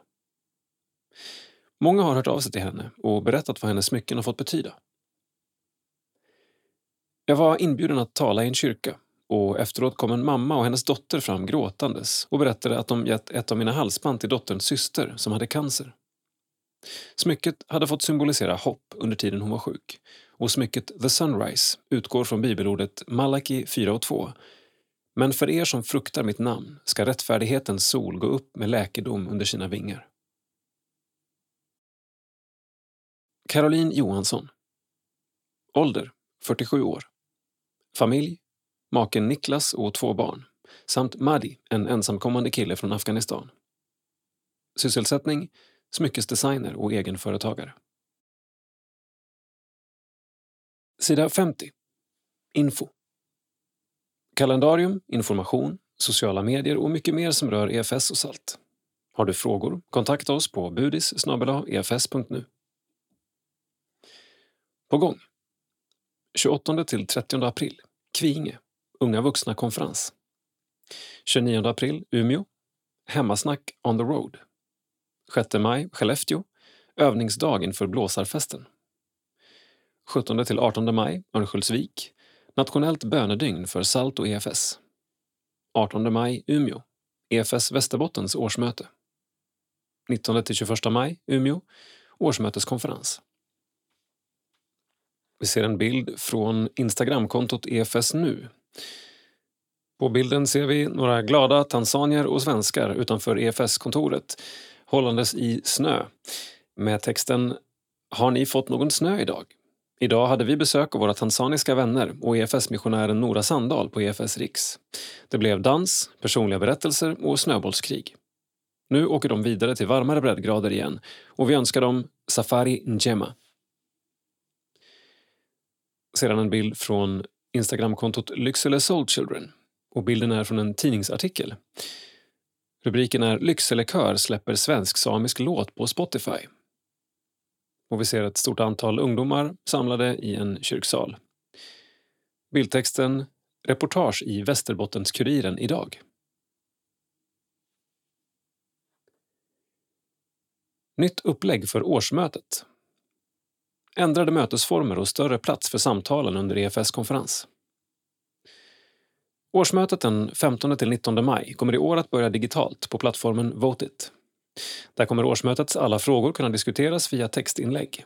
I två omgångar fram till torsdag kväll fattas också beslut i ungefär hälften av årsmötets ärenden. På fredagsförmiddagen tar själva årsmötet paus då årsmöteskonferensen inleds fysiskt i Umeå med samtal om hur vi når unga generationer med evangeliet. Årsmötet återupptas sedan den 19 maj på eftermiddagen i form av ett hybridmöte med möjlighet att delta både på plats och via videolänk. Marcus Holmström och Lina Torres, EFS Riks, arbetar med att planera årsmötet och hoppas på ett ökat engagemang. Vi önskar att det nya upplägget ska öka delaktigheten och vi jobbar för att både de som deltar digitalt och de som är på plats i Umeå ska ha en positiv upplevelse, förklarar Lina Torres. Även om man inte deltar på årsmötet innehåller konferensen många andra aktiviteter att delta i, även om fokuset under fredagen kommer ligga på just årsmötet. Vi tror ju att vi alla, som Guds barn, har en lika viktig del i missionsuppdraget och därför är vi alla lika viktiga i att forma hur EFS ska jobba för det uppdraget och för vår gemensamma framtid. Därför är vår förhoppning att detta ska vara ett steg i att bemyndiga och utveckla demokratin i EFS med nya pedagogiska grepp, berättar Marcus Holmström. Hallå där, Pontus Adefjord, ny distriktsföreståndare för EFS Mittsverige. Berätta lite om din bakgrund. Jag jobbade några år som församlingsassistent innan jag började läsa på Johannelund. Efter adjunktsåret i Öregrund kom jag till Knivsta, först som församlingspräst och sedan som arbetsledare. Vad ser du mest fram emot? Det ska bli väldigt spännande att få lära känna EFS ännu bättre och få jobba med större visionära frågor. Jobbet jag har idag som arbetsledare är mer, vad gör vi nästa vecka? Jag tror att EFS är otroligt viktigt för Svenska kyrkan och det ska bli kul att jobba med relationerna dem emellan. Vad är din koppling till EFS?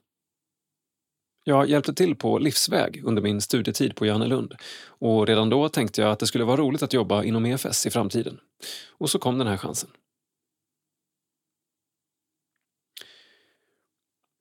Efterlängtat scoutläger under flera år har patrullriks behövts skjutas upp på grund av pandemin. Men i sommar är det dags igen i Mjösjöliden, Norrbotten. Den 30 juli till 5 augusti samlas unga och gamla från hela landet och upplever scoutläger under temat Rotad. Efesierbrevet 3 och 14-21. Patrullriks är fyra läger i ett. Familj, scout, tonår och, nytt för detta år, seniorbyn. Tänk att få vara tillsammans och uppleva en massa roliga upplevelser tillsammans över alla åldrar. Vi ska få göra spännande dagsaktiviteter, bada, träffa nya och gamla kompisar, mysa vid en brasa. Ja, allt det man gör på scoutläger. Berättar Inga-Britt Johansson, lägerchef på Patrullriks. Anmälan är nu öppen på patrullriks.nu och där kommer det ut löpande information. Det är hit man kommer när man kommer hem, sjunger man i Piteå. Vi längtar till sommaren och hoppas att många kommer, säger Inga-Britt. Ny missionskonferens.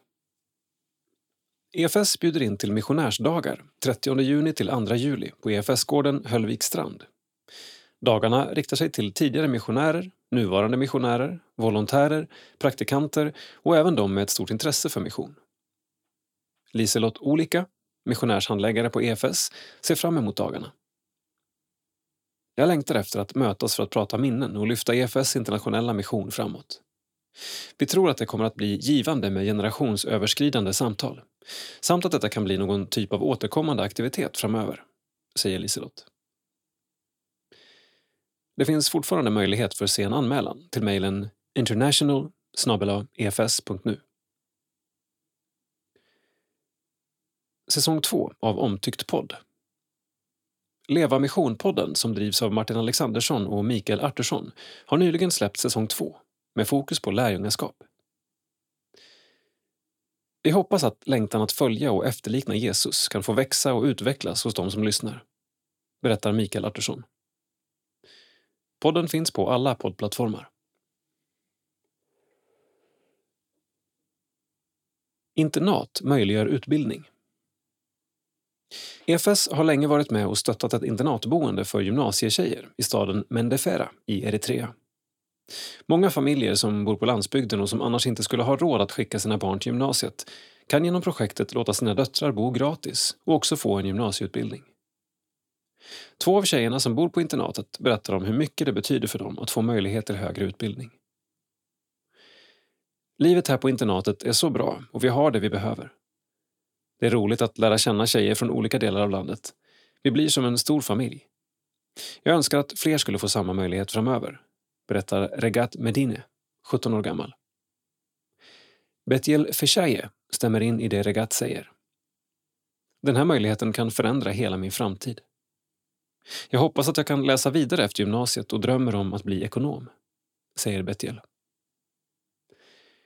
Anna Claesson, som jobbar på EFS, besökte internatet nyligen och berättar om hur värdefullt det var att se vad möjligheten betydde för dem. Det var fint att se hur viktigt det här projektet var för dessa unga tjejer. Det möjliggör deras utbildning som är avgörande för deras framtid. Och det var extra roligt att få höra om vad de drömmer om för framtiden.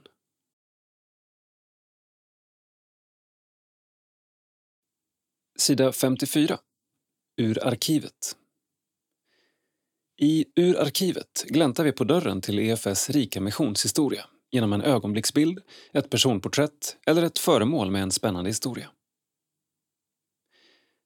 Här ser vi en bild på en gammal, sliten, djurskinnsbeklädd handtrumma. Och bildtexten Trumman var en gåva till EFS-missionären Manfred Lundgren på 1940-talet. Han fick den av sonen till en kvinna som tidigare fungerat som medium.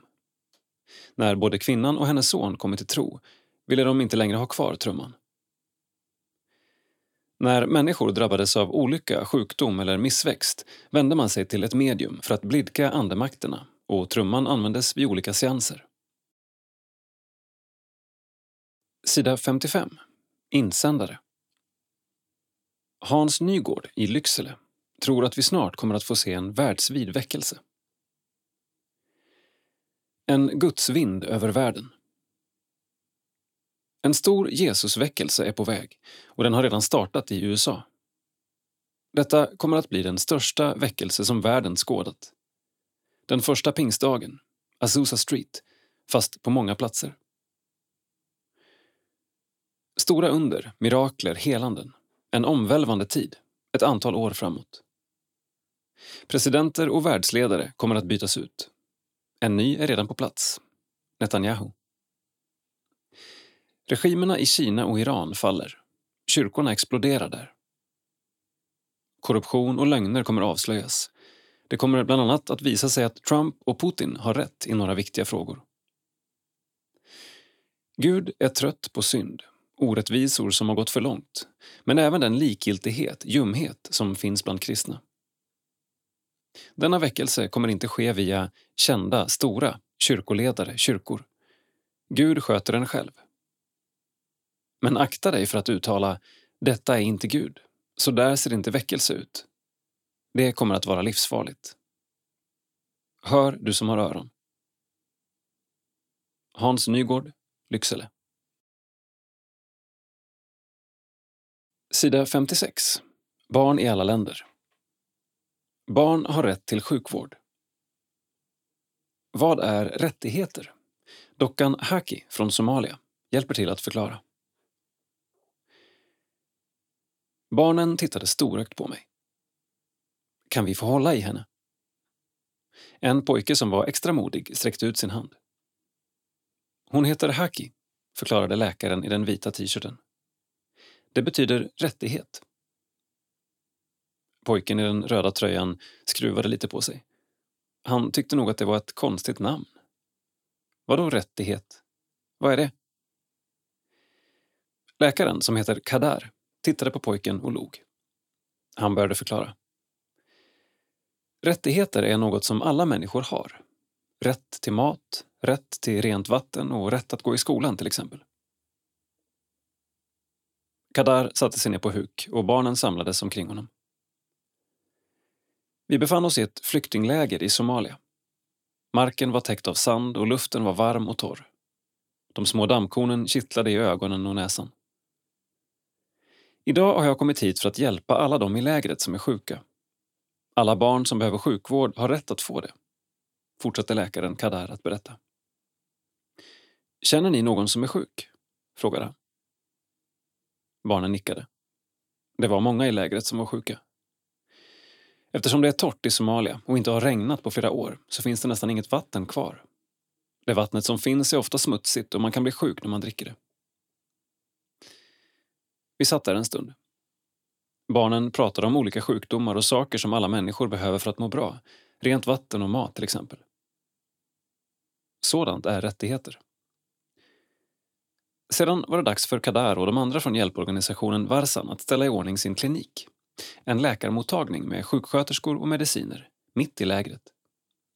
Hela dagen jobbade de där för att alla som var sjuka skulle få hjälp, både barn och vuxna.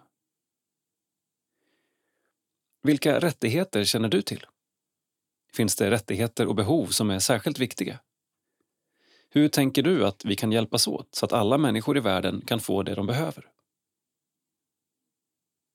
Hälsningar från Haki i Somalia.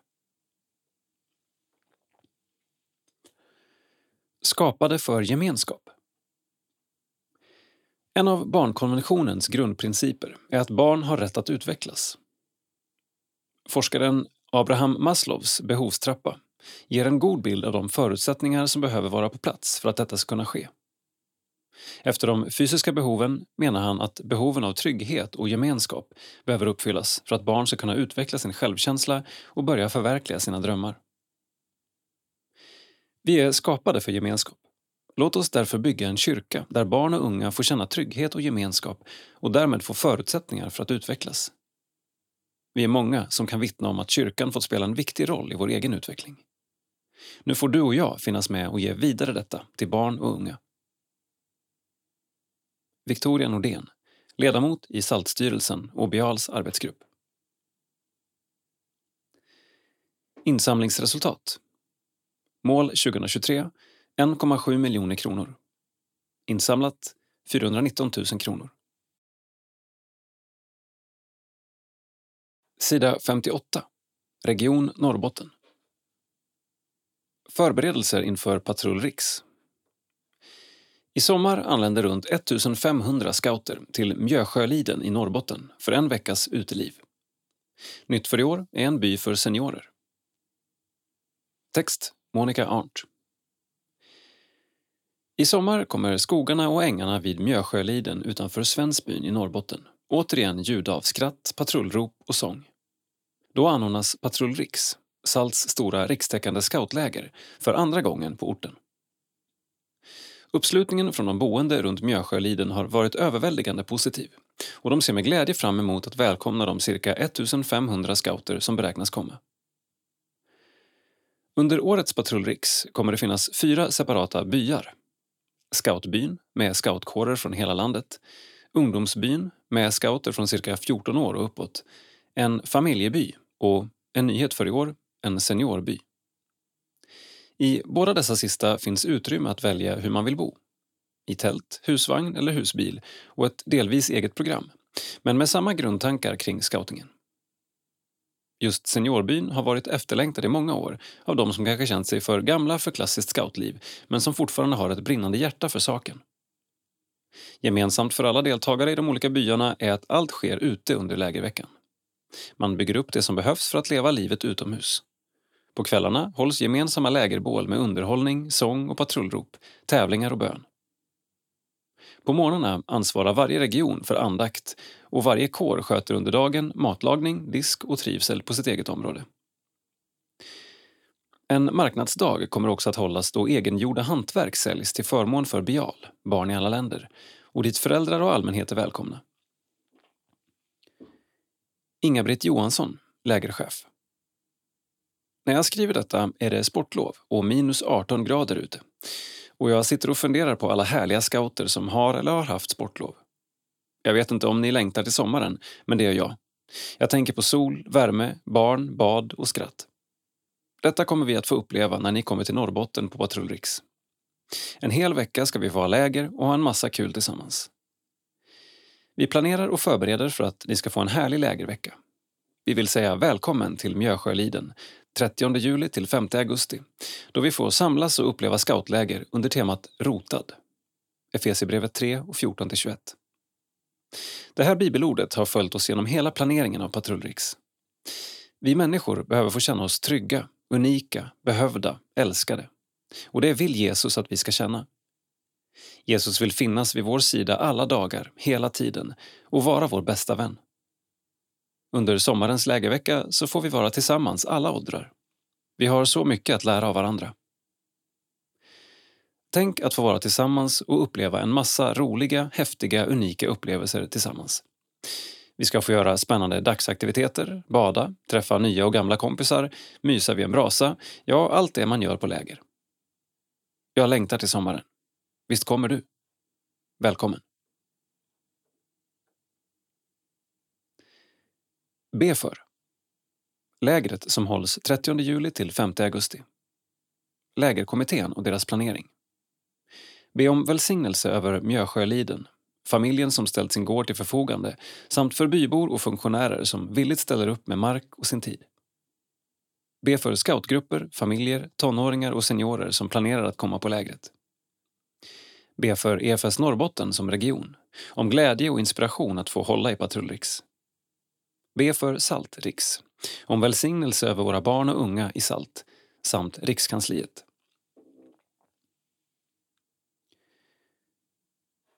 Så ser vi en bild på två unga scouter med bildtexten Hur känns det inför Patrull Riks? Lovisa. Det kommer att bli jättekul och jag är jättetaggad. Jag längtar så mycket. Smilla. Jag är lite nervös men samtidigt taggad. Jag längtar. Sida 60. Region Mittsverige. På gång. Kalender. 29 juni till 2 juli, Siljansnäs. Sommarkonferens på Olsnäsgården. I en tid full av turbulens är Jesus ord till sina första lärjungar lika aktuella. Känn ingen oro och tappa inte modet. Johannes 14.27 hur kan vi leva mitt i denna oroliga värld, stadigt rotade i Jesus och dela hans kärlek och liv till andra? Kom ensam, med en vän eller med hela familjen. Läs mer på efsmittsverige.org. Livskraft, Guds berättelse och min story. Efter tre års uppehåll hade vi glädjen att få bjuda in till nyårsläger i Uppsala igen. Deltagarna kom från nio olika lokala sammanhang, framförallt från EFS och Svenska kyrkan. Nu efter pandemin upplever flera grupper en tid av tillväxt och en längtan efter att knyta nya kontakter med andra grupper. Vi är så glada och tacksamma över Guds verk i våra ungdomars liv under dessa dagar. Låt ingen se ner på dig för att du är ung. Första Timoteusbrevet 4.12. Nystart för välbesökt konferens i Stockholm. Vinterkonferensen kunde äntligen hållas igen efter ett par inställda år. Text Gustav Havström. Bild Karl-Olof Strand. Konferensen startade för ett 20-tal år sedan som en fördjupningshelg för EFS i Stockholm och har växt under åren. I år medverkade bland annat Hans Weissbrot, OAS, biskop Andreas Holmberg, Stockholms stift, Mia Ström, EFS och Martin Helgesson, Roseniuskyrkan. Helgen inleddes med en fördjupande ledarsamling med Hans Weichbrott på fredagseftermiddagen. Där delade Hans erfarenheter av hur man kan förkunna förlåtelse och försoning i vår tid. Under dagarna fick vi sedan i föredrag, gudstjänster och samtal och med bönen och den kristna musiken som sammanhållande ton söka Jesus tillsammans. Bland annat hade vi ett panelsamtal om hur vi tillsammans kan stödja och utveckla nya gudstjänstfirande gemenskaper. EFS körer, Voices of the Cross från EFS Cross Culture i Uppsala, Tigrinjakören från Betlehemskyrkan och Hammarbykyrkans kör medverkade vid olika tillfällen under helgen. De delade tillsammans med musiker, sånggrupper och lovsångsteam från våra olika kyrkor med sig av en härlig musikupplevelse med mycket underbar lovsång. Det var så fint att få uppleva hur tre av våra Stockholmskyrkor fylldes till bredden med människor från så många olika kristna sammanhang. Över 200 personer gick fram till förbön under helgen och många upplevde förnyelse och den helige Andes närvaro. Det kändes starkt och fint att få tjäna tillsammans i förkunnelse och omsorg i ett så stort team med förankring i så många olika församlingar. Låt oss lita på Jesu ord. Ty där två eller tre är samlade i mitt namn är jag mitt ibland dem. Matteus 18 och 20. Undervisning och pizza. Innan vinterkonferensen skickade ungdomsprästen i Lötenkyrkan, Heiner Helm, ett spontant förslag om att ordna en ungdomsträff i Betlehemskyrkan före kvällsmötet. Övriga EFS-församlingar i Stockholm tyckte att det var en mycket fin idé. Planen blev att Mittsverige skulle bjuda alla ungdomar på pizza och Lötenkyrkans ungdomsgrupp skulle ansvara för aktiviteter efter mötet. På kvällen samlades sedan en stor grupp ungdomar från Lötenkyrkan, Hammarbykyrkan, Betlehemskyrkan och även Grödinge församling.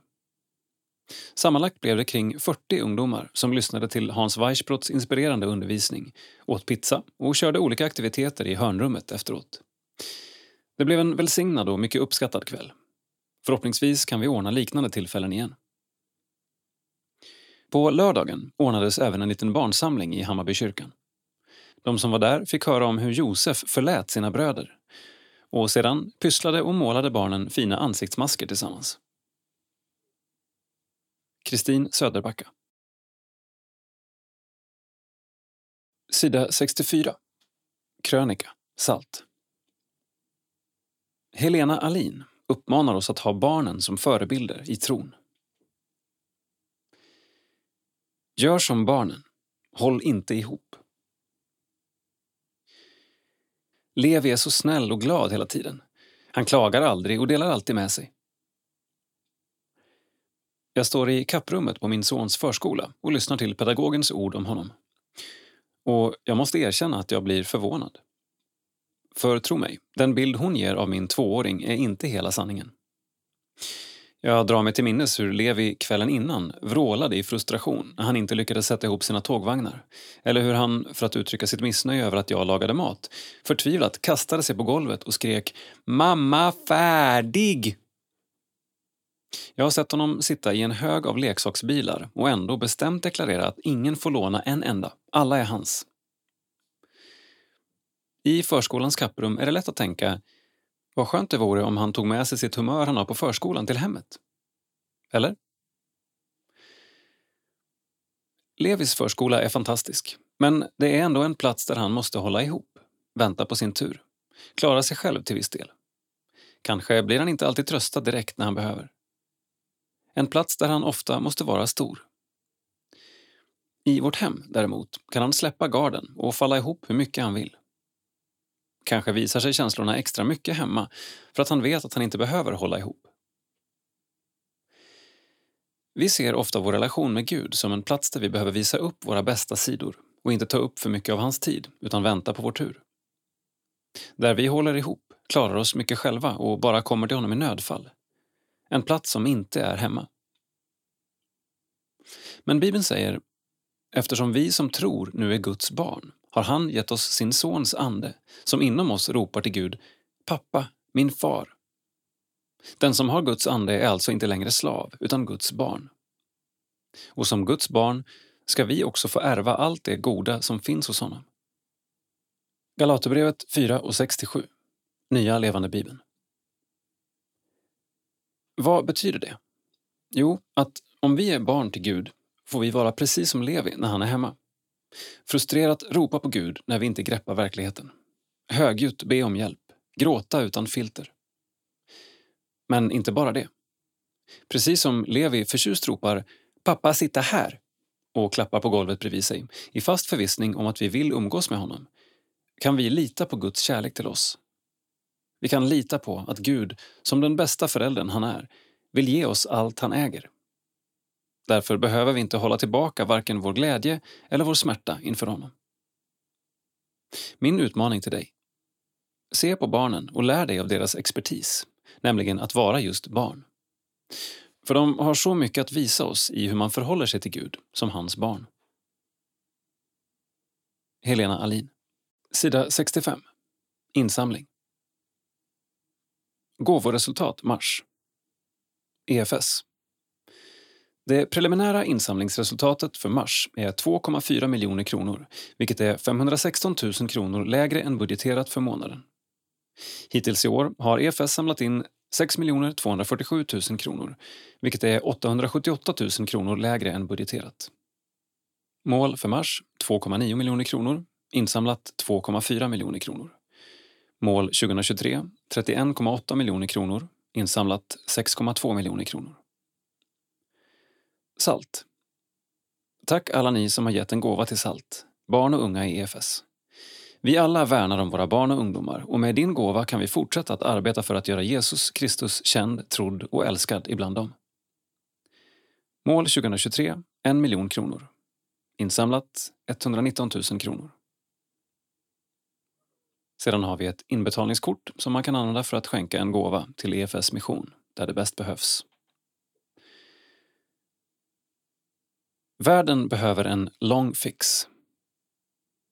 I mitt arbete som sjuksköterska möter jag en enorm utsatthet, sjukdom och svårigheter. Jag känner mig ofta otillräcklig. Det finns inga enkla lösningar, ingen quick fix. Att stå kvar i de situationerna och våga se, be och beröras är en utmaning. Men som kyrka är det precis vad vi är kallade att göra. Under alla år i Tanzania har jag fått se fantastiska frukter av EFS långa arbete här. Både på sjukhuset i Ilula, där jag jobbar, men också i kyrkan. Varje år rustas ledare för tjänst i församlingar och söndagsskolor. Det diakonala arbetet växer och utvecklas. EFS har en långsiktighet som jag älskar. En lång fix. Det handlar såklart om Jesus som förvandlar, men det handlar också om att vi får stå kvar i syskonskap och bära varandra. Tack för din gåva till EFS mission, som gör det möjligt för oss att fortsätta det arbetet tillsammans. Nora Sandahl, sjuksköterska och EFS-missionär i Tanzania. Tack för att du har lyssnat.